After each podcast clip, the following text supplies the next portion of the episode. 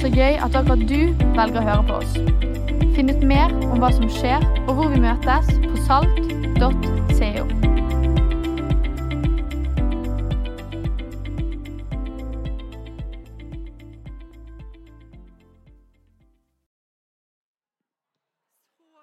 Utrolig fint å være her. Og det er jo litt gøy, da. Og så komme fra bygda og lære noen triks om hvordan en får gode kollekter i kirka. Så vi skal begynne å spille sånne gøye sanger. Så vi får, Det det gleder jeg meg til. Jeg sitter og noterer ting som vi lærer. Du, Utrolig fint å få lov å være her. da. Bare komme oss og være bonde i byen for eh, en dag. Det er jo kjempegøy. Fint å se dere. Eh, utrolig stas. Og veldig gøy på formiddagen med de som har vært på kirkeplantingsskolen og graduerer folk. Det heter det, sant? Fra kirkeplantingsskolen. Eh, jeg, også, jeg og Vegard tok òg kirkeplantingsskolen når vi hadde flytta til Voss. Det første året når vi var der, da het det CPI. Det var litt kulere, da. Church Planting Institute. Eh, så det, var, det er liksom hakk over. da. Men eh, kirkeplantingsskolen, det, det, er greit, det òg, altså. Men jeg husker veldig godt når vi var ferdig med eh, Church Planting Institute, året vårt, eh, og skulle liksom hadde fått store drømmer for plassen som vi skulle flytte til. Eh, og vi liksom bare hadde et kjempehjerte for tenk, vi skal vinne bygda for Jesus. Og hadde liksom lært i løpet av det året at det er viktig å bli glad i bygda, plassen som du er på, og skjønne kulturen, være en del av det som skjer. Så det tenkte vi, det må vi. Så noen dager tror jeg, etter at vi var ferdig eh, med det året, så skulle det være Bergen-Voss sykkelrittet. Vi sykla det ikke, altså. Men vi tenkte det er jo en folkefest i bygda. Der må vi være til stede. Eh, og vi kan liksom ikke bare komme der som sånn by altså, i bygda, men vi må liksom være en del av det. Så jeg kjøpte meg ny landeveissykkel for anledningen. En lilla veldig fin. Eh, så jeg var så fornøyd, så vi fant ut at det, det er dagen for oss å teste den sykkelen. Så vi sala opp med sykler og kidsa i sykkelvogn og sykla bortover til sentrum. Og vi kom inn der, Det var jo den folkefesten. Masse biler og masse folk som gikk i gatene. og Syklister. og Vi bare Wow! Vi har kommet til bygda, liksom. Nå skjer det. Det her er kjempegøy. Og så skjer det som alltid skjer når det er fullt i sentrum og det er masse folk. Da stopper trafikken opp. Så jeg i bremsene. Og Da skjønner du kanskje hvor det her går, hvis du har prøvd å sykle en landeveissykkel med klikkpedaler før. Eh, hvem er det som har gjort den? Du skal slippe å si det, forresten. Men eh, jeg går jo rett i asfalten foran det føltes som tusenvis av folk. Eh, og så har jeg ikke lært å klikke ut pedalene, så jeg ligger fastlåst i sykkelen. Og så tenker jeg, bare leter jeg etter øyekontakt med Vegard. Bare kan jeg få litt hjelp her, og medlidenhet. Eh, og i det eh, blikkontaktet møter han, så skjønner jeg at dette syns han er fryktelig flaut. For han kommer fra en sykkelfamilie. Og han har sykla sykkelrett opp gjennom barndommen og ungdomstida. Og så kommer jeg og bare liksom ligger på asfalten der. Så han bare snur hodet rett fram igjen og sykler videre. Og Jeg ligger igjen der og kaver meg ut av den sykkelen og bort på sida. Det er jo minst like vondt i stoltheten som det er i hofta når jeg står der. Og det var krevende eh, start på opplegget. Og det er sånn at det er noen øyeblikk i livet som du kjenner at er litt krevende å holde fast på den store drømmen. Eller den store liksom, tanken og visjonen du hadde om det du Vi skulle jo ta den bygda for Jesus, og så ligger du på asfalten der og så tenker du, kan jeg i det hele tatt bo i den bygda? Ekstremsportbygda. Og så kan ikke jeg sykle en landeveissykkel en gang. Eh, og da kan du miste litt frimodigheten. Men jeg har kommet fram til at vet du, den spenninga tror jeg bare vi må leve med. Eh, fordi at eh, Som bærere av evangeliet om Jesus, som død og oppstått for alle mennesker, så kan vi ikke senke lista eller senke drømmene eller krympe visjonen for det vi gjør. Ja, da må vi bare leve med det. Og Som Sigurd var inne på, så har vi en serie nå som vi har kalt 'Byen i byen'. Jeg har lyst til å lese fra Matteus 5, der Jesus sier noe om nettopp den byen. Og Det sier Jesus. Det er lyset i verden. En by som ligger på et fjell, kan ikke gjemmes. Ingen tenner ei oljelampe og setter henne under et kar.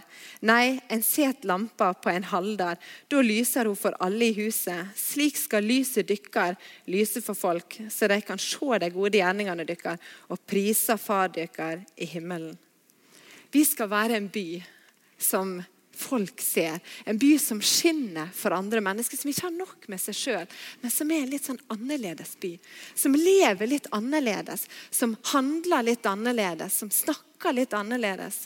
Og som eh, er litt annerledes med hverandre, som gjør at vi peker på Gud for andre mennesker. Og Vi kan aldri bli noe mindre enn det, eller tenke at vi er noe mindre enn det.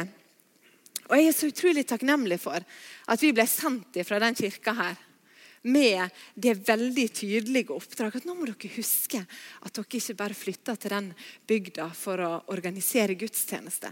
Dere flytter for å plante evangeliet på den plassen. Og nå må dere huske at dere bare ikke skal være kirke for de mennesker som er innenfor de fire veggene, men dere skal være kirke for de mennesker som ennå ikke er kommet dit. Og så husker jeg at Øystein var veldig tydelig med oss når vi skulle reise. Så sa han òg dere må også huske at dere skal plante livet av dere der. Tenk at dere skal trives når dere er Dere må bli glad i plassen. Dere må bli glad i mennesker som er der. Pass på å trives der. Slå dere ned og kjenne at det er en bra plass å være. Jeg tenker Det må jo være verdens beste arbeidsbeskrivelse å få når du skal av gårde inn i en ny jobb. Jeg har et bilde som jeg er veldig glad i å vise som jeg har lyst til å vise her. For sånn er livet på Voss. Sånn er det alltid. Der skinner sola, sånn her regner, så har vi det sånn. Og sånn er livet som pastor og som menighetsplanter. Kanskje ikke alltid det skinner så voldsomt, men jeg har litt lyst til å si det. at vet du, Livet, for Å flytte en plass og plante menighet, det livet er et rikt liv. Det er et bra liv. Det er et balansert liv. Det er et fantastisk spennende liv. Og Av og til så snakker jeg med folk som er litt sånn Å, at dere orker å gjøre det. det er et fantastisk, Jeg kunne ikke tenkt meg å gjort noe annet. Det er ikke et kjipt liv eller et overarbeidet liv eller et vanskelig eller isolert liv. Det er et fantastisk liv. Så hvis du har lyst til å ha det sånn som det der, så kan du snakke med meg etterpå. Eller ta ei uke på Voss i sommer. Det er òg en mulighet. Men det er fantastisk. Med det sagt, Nå har jeg snakka opp litt mitt eget yrke. Men det er et fantastisk spennende liv å få lov til å være med og plante evangeliet på nye plasser. Hvis du har med din bibel, så kan du få lov å være med meg til apostelgjerningene. Jeg har lyst til å ta det med dit i dag. Det er legen Lukas som er forfatteren av apostelgjerningene. Han skrev òg Lukas sitt evangelium. Han skrev på en måte en del én først. Der han, han, har vært i kontakt med mennesker som hadde fulgt Jesus, som hadde sett hva Jesus gjorde og hva han sa. Og Så ble han så eh, inspirert av det han hørte, at jeg vil også skrive ned det som har skjedd om Jesus sitt liv. Og så er det så gøy med Lukas at han ikke gir seg med den del igjen, men han kommer med en oppfølger. Det er fantastisk. Han kommer også med en fortsettelse på hva som skjedde etter at Jesus var reist opp til himmelen. Hva var det som rørte seg blant de første kristne? Og Han begynner sin del to med å stadfeste at Jesus han har stått opp igjen. og Så går han rundt i 40 dager og så viser han seg levende og oppstått for mange mennesker. Og På den 40. dagen så sitter han der sammen med en gjeng mennesker. Jeg vet ikke hvor mange det var, men det var en god flokk. Og Så ser han på dem og så sier han at nå må Dere huske på, dere må ikke forlate Jerusalem før dere har fått det jeg har lova at dere skal få. Og Så begynner de å snakke seg imellom. og så Er det litt sånn, er tida kommet nå for at du skal reise opp i en rike for Israel? For de tenker at han skal være en konge og at det skal bli en stor nasjon. og De skjønner ikke helt hva som skjer. Og Så sier Jesus til dem vet du, det skal ikke dere tenke så veldig masse på. Tida, og det det, det er far min i himmelen som vet. Men det dere skal konsentrere dere om, det er det som han sier i apostelgjerningene 1,8. Og vi leser men det skal få kraft når Den hellige ande kommer over dere. Og det skal være mine vitner i Jerusalem og hele Judea, i Samaria og helt til enden av jorda. Og så reiste han opp til himmelen foran øynene deres. Og Hvis du blir med meg de neste minuttene, så skal vi prøve å få tak på men hva betyr disse ordene som Jesus valgte å si rett før han for opp. Det er ganske viktig, tenker jeg. Men det var det siste han valgte å si. Hva betyr det for våre liv i dag, for mitt og ditt liv i dag, det som han sa der. Og Jeg har lyst til å begynne med å zoome inn på det ordet 'vitne'. som han sier. Sett, Vi skal være vitne. Vi skal være hans vitne. Og nå kjenner vi alle sammen til krigen i Ukraina, som snart faktisk har vart i tre måneder. Og Vi har sett nyhetsbilder, vi har fått mengder med inntrykk både gjennom bilder og videoer og nyhetsbilder som er gitt der. Og vi Stadig vekk så får vi meldinger. Dette er det russisk side melder, og dette er det ukrainsk side melder. Så hører vi nyhetene, men vi venter på en bekreftelse eller en avkreftelse fra uavhengig hold. Fordi en er usikker på hva er det egentlig som er sant. da. Og Vi har skjønt at den krigen som er der, det er jo ikke bare en krig med våpen, men det er òg en informasjonskrig om hva som er sant. Hva er det som faktisk har skjedd?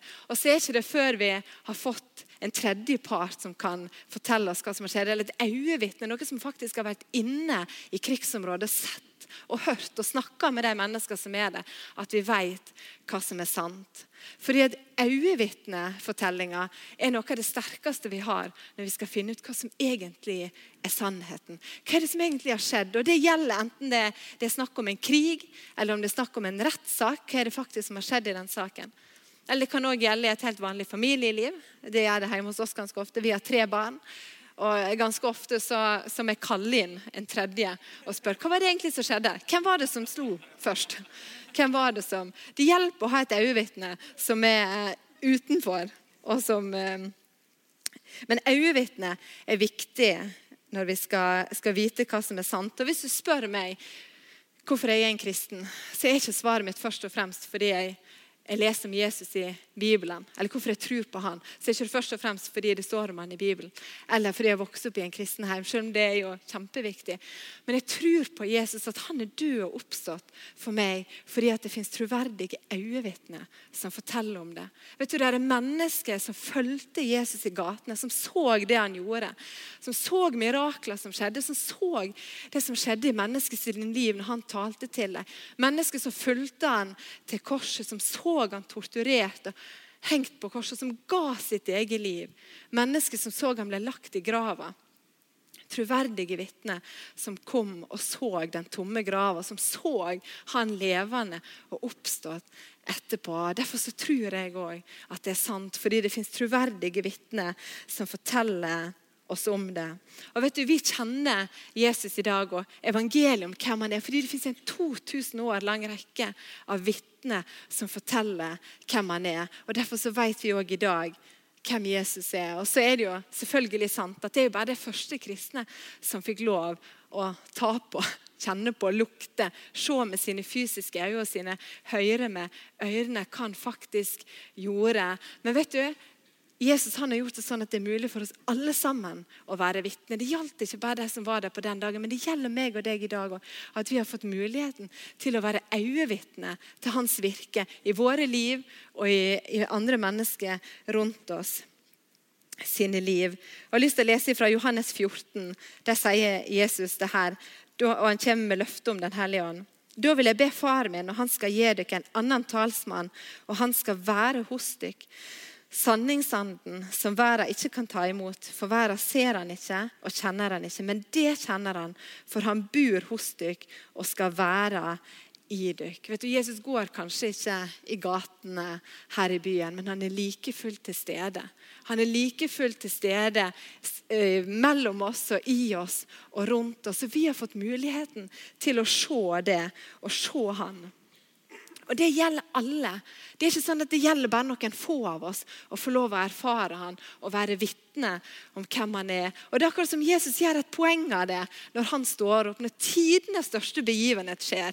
Altså Når, når Gud sjøl har steget ned til vår verden, og han oppstår fra de døde igjen, han har vunnet over døden, så velger han at det er tre kvinner som kommer til grava og blir vitne til at han har stått opp. Og Det er Maria som blir det første vitnet, som får se Jesus levende igjen. Og så er ikke det så spektakulært for oss at det var kvinner, men vet du, det var på en tid og i en kultur der kvinner i det vanlige samfunnet ikke var regna som troverdige vitner. Men Jesus var opptatt av at vet du, når det, gjelder, når det gjelder livet med meg, så kan alle sammen få lov å være vitne og få lov å erfare og se. Så kan det godt hende at du sitter her og tenker men når du sier det, så er jeg litt usikker på jeg, om jeg kjenner Om jeg egentlig har noen erfaring. Har hva har jeg egentlig sett og hørt? Jeg har ikke opplevd det som han har opplevd. eller jeg har ikke opplevd det som, sånn som hun har fortalt. Jeg har ikke den erfaringa som de andre forteller om. Men jeg har lyst til å oppmuntre deg i dag med at du, det var ganske forskjellig for de mennesker som vi leser om i denne boka her òg. Lukas, som, som jeg fortalte om, som er forfatteren av apostelgjerningene, og Paulus, som på mange måter er hovedpersonen i boka, det var ganske forskjellige. Paulus var jo den som var på vei til Damaskus, som så et lys fra himmelen, som hørte en stemme fra himmelen, så han datt i bakken og ble blind i tre dager. Jeg tenker, Da har du litt å skrive hjem om. Det er en stor opplevelse og en erfaring. Det er liksom, wow, Han fikk den. Men Lukas det står ingen plasser om at han hadde en åndelig voldsom erfaring eller en stor opplevelse. Sannsynligvis møtte han aldri Jesus en gang. Men allikevel er de to de nærmeste medarbeiderne. Det er aldri noe tegn til at de sammenligner hverandre, men de er frimodige vitner med, med sitt vitnesbyrd. De fikk lov å erfare Jesus på sin måte, og så gikk de videre med det. Og vet du, Når du kaller inn vitner i en rettssak, hvis de vitnene er for like, ja, da er det mistanke om at det er kommet på. Det har de funnet på, det har blitt enige om i forkant. For Noe av troverdigheten i vitner er nettopp at det er forskjelligheten. Fordi at vi er ulike mennesker. Ulike personligheter, ulike historier, ulike ting som vi tolker det som skjer gjennom. Vet du, Sånn er det livet med Jesus òg. Det treffer oss ulikt, men vi får lov å ha vår fortelling, vårt vitnesbyrd, og gå med frimodighet med det. Så skal jeg samtidig være en av de første til å innrømme at av og til så kan det jo være krevende òg, det der med å være vitne. Det med å sette ord på ting som andre ikke er så opptatt av, eller som andre kanskje ikke har tenkt så masse på. Jeg husker for i fjor i pinsen så satt vi på terrassen sammen med naboene våre. Og så kommer det fra hun ene du, du som kan med sånn her greier. Hva betyr egentlig det der med pinsen? Hva var det som skjedde da?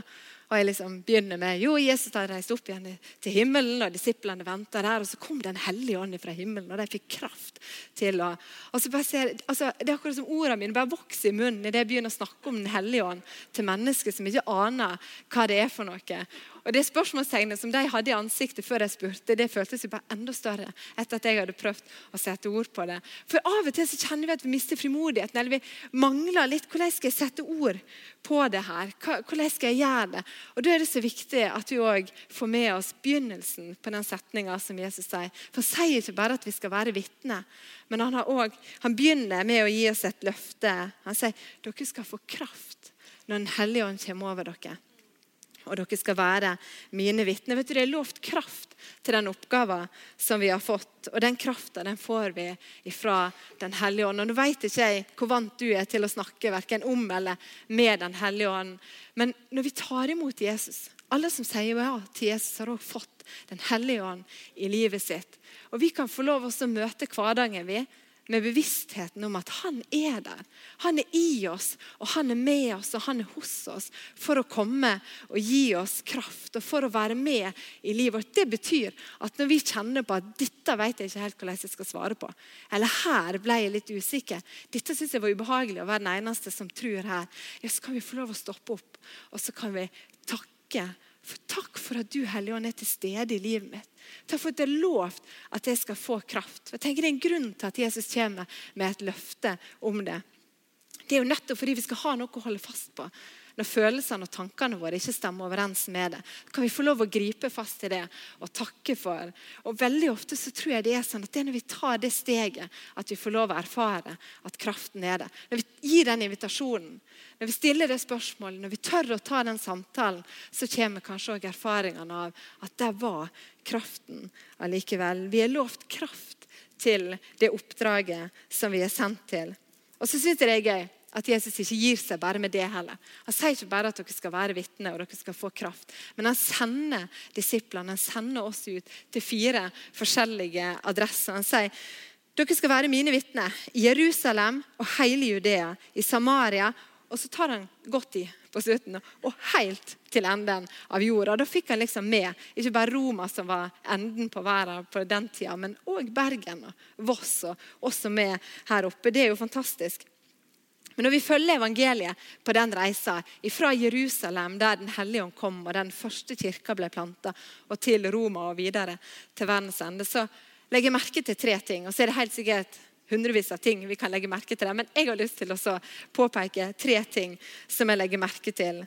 Og Det første er at de som gikk med evangeliet for første gang, de var vitner fulle av kraft. Det, det, står så mange ganger om det første at de med frimodighet taler. Peter og Johannes de står foran det jødiske rådet. Det samme rådet som Jesus hadde stått for rett før de hadde sendt ham til korsfestelsen. Og det vet Peter og Johannes at dette kan skje, de òg. Og så sier de bare med en enorm frimodighet. Vet du, Vi kan ikke noe annet vi, enn å fortelle om det vi har sett og hørt. For det har gjort sånn inntrykk på dem, det de har å si. Det første de var vitner fulle av kraft. Og for det andre de var vitner fulle av omsorg. Øystein forkynte nydelig forrige søndag om diakoniets plass i kirka. Helt fra den første kirka som ble starta i Jerusalem, så har diakoni og det å være, det å, å være omsorgsfulle og ta vare på mennesker vært en viktig del av å forkynne evangeliet. De var fulle av omsorg. Og så er det den tredje tingen som vi ser, og det at de var vitne ved å plante kirke. Og så tenker du, Hva er kirke med å være vitne? Jeg er veldig glad for at du spør om det. For det syns jeg er ganske, det er helt fantastisk. For hvis du blir med meg helt til begynnelsen, som i begynnelsen, begynnelsen, helt i begynnelsen, når Gud skapte mennesket i begynnelsen, i, kapittel, i første Mosebok kapittel 1, så står det om det. Da eh, Nei, Gud sa, la oss lage mennesket i vårt bilde så det likner oss. Og så kan vi lure på er Gud blir schizofren, som snakker om seg sjøl i flertall. Nei, det har han ikke. kan jeg konstatere. Men vet du, Gud er og her kommer jo en litt sånn, Gud er tre, men samtidig en. Gud er tre personer. Det er Gud Fader, og så er det Jesus som er Sønnen, og så er det Gud den hellige ånd. Og De tre er tre personer som er evige. Det er ikke sånn at Gud Fader var først, og så kom Jesus. Nei, De tre som alltid har vært, og alle tre var til stede i skapelsen. Og Johannes han skriver at Gud er kjærleik. Og det kan han jo gjøre nettopp fordi at Gud er et fellesskap.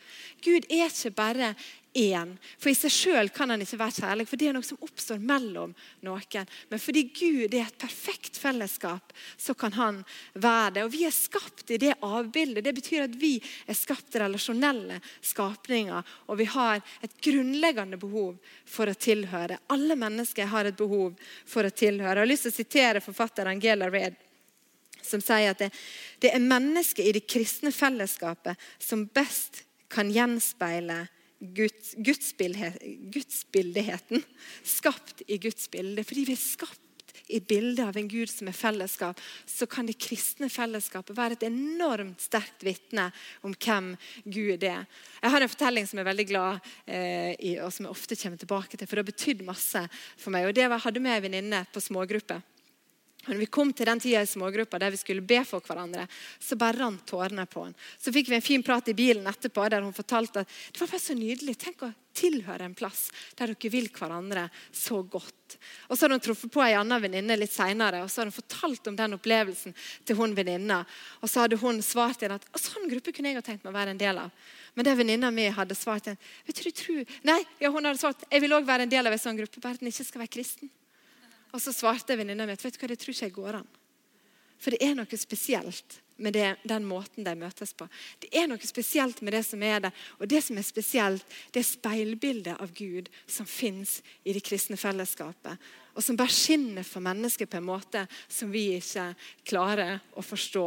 Men det er fantastisk å kunne være vitne sammen. Og Derfor så handler det om å plante seg i en kirke. Være en del av et fellesskap. En viktig del av å være vitne. Og Derfor er alle vi som er vitne for Jesus, vi er kalla til å plante oss i ei kirke. Og så er det noen som er kalla til å gå og plante nye kirker. I apostelgjerningene 13 kan vi lese om når Paulus og Barnabas blir sendt ut fra den menigheten i Antiokia, og det står at Den hellige ånd har kalla dem, og så er menigheten med å sende dem ut. Og nå er ikke Det sånn her, det skjedde i en gudstjeneste i apostelgjerningene 13. Og så er ikke det sånn her i menigheten her at vi står og peker for folk og sender dem ut. Men vet du, vi tror like fullt at Den hellige ånd kaller på mennesker i dag òg. At det skjer noe, at det er en indre kallelse, eller at Den hellige ånd virker inni oss. Og så er det vår drøm å være en sånn kirke virke som med å sende folk ut til nye plasser. At det òg kan være For vi tror ikke at vi bare måles på vår sende, nei, samlekapasitet, men vi måles òg på vår sendekapasitet. Alle kan plante seg i ei kirke, og noen er kalla til å plante nye kirker. Men uansett om vi er et helt vanlig vitne som planter oss i oss kirke, eller om vi er noen som skal gå til nye plasser, så utfordrer Jesus oss på å utvide hjertet vårt til å gå til alle de fire adressene. Ikke bare konsentrere oss om det nære og ikke bare om det fjerne. Men konsentrere oss om Jerusalem, som er våre nærmeste, de som er lik oss, de som vi trives sammen med, og til Samaria, til de som er annerledes, de som lukter annerledes, har en annen mat, har en annen kultur. Vi skal bry oss om dem òg, og så skal vi bry oss om mennesker som er helt til verdens ende. Og Jeg syns det er utrolig gøy å være en del av en kirke. Vet du, I år så har vi tiårsjubileum for Glocal og arbeidet i India. Og I løpet av de ti åra har vi fått lov å være med og sende ut eller Nå har vi over 200 eh, menighetsplantere som leder menigheter. Det er over 300 menigheter som er planta i India. Her ser dere en av dem, og det er Deepak Kumar. Han var hinduist. Og Så kom han hjem fra skolen en gang, og bestemora var blitt syk. Og han husker jeg har en tante som har fortalt meg om Jesus. Så han gikk og henta hun tanta, så ber hun en enkel bønn for bestemora. Og så blir hun helbreda. Og så opplever eh, godeste Depak, at det blir starten på hans reise til å ta imot Jesus. Og Så får han lyst til å fortelle det til noen andre, og i dag så leder han to forsamlinger i India. Er ikke det fantastisk at vi kan få lov å sitte her i Bergen, og så kan vårt fellesskap få lov å skinne helt til verdens ende i India? Fordi at her er noen i denne kirka som er engasjert, som brenner for det, som gir pengene sine til det. Så får vi lov å være med og skinne til verdens ende. Jesus han utfordrer oss på å utvide, ikke krympe drømmene våre eller senke visjonene vi har, men utvide hjertet vårt til å se de nære, men òg de som er langt vekke. Skal vi reise oss opp sammen, så har jeg lyst til å be en bønn for oss til slutt. Det er fint å vite i den utfordringa som Jesus gir oss, at vi skal strekke oss så langt og utvide hjertet vårt til alle mennesker. At vet du, Da handler det ikke om at vi går i egen kraft, men vi er lovt kraft til det oppdraget vi har fått. Og så er det veldig fint å vite når du ligger på asfalten på, med sykkelen der, at vet du hva, jeg er ikke alene om å forsvare det ryktet som den kirka her får. Jeg er så takknemlig for alle de gangene jeg har sittet i, i samtale og, og hørt fra folk som kjenner Geir. og og, det, og som han er så flink på jobben. og Det betyr så masse, så gir det en positiv innfallsvinkel til å snakke om kirke og snakke om tro. For vet du, Når vi står skulder til skulder og så sammen i et kristent fellesskap, så kan vi være et sterkt vitne om hvem Jesus er. Jesus, vi takker deg for de ordene som vi har lest, og for din sendelse, for ditt hjerte for hvert enkelt menneske i vår verden. Takk for at du har kalt oss til å være vitne. Takk for at vi får lov å gå med det som vi har fått. Og så sender du oss, og så takker vi deg for at du er den som utvider hjertet vårt. Sånn at ikke bare ser det som er nærme, men heller ikke bare det som er langt vekk. Hjelp oss til å se alle de mennesker og være vitne for deg i den hverdagen som vi har, Jesus. I ditt navn.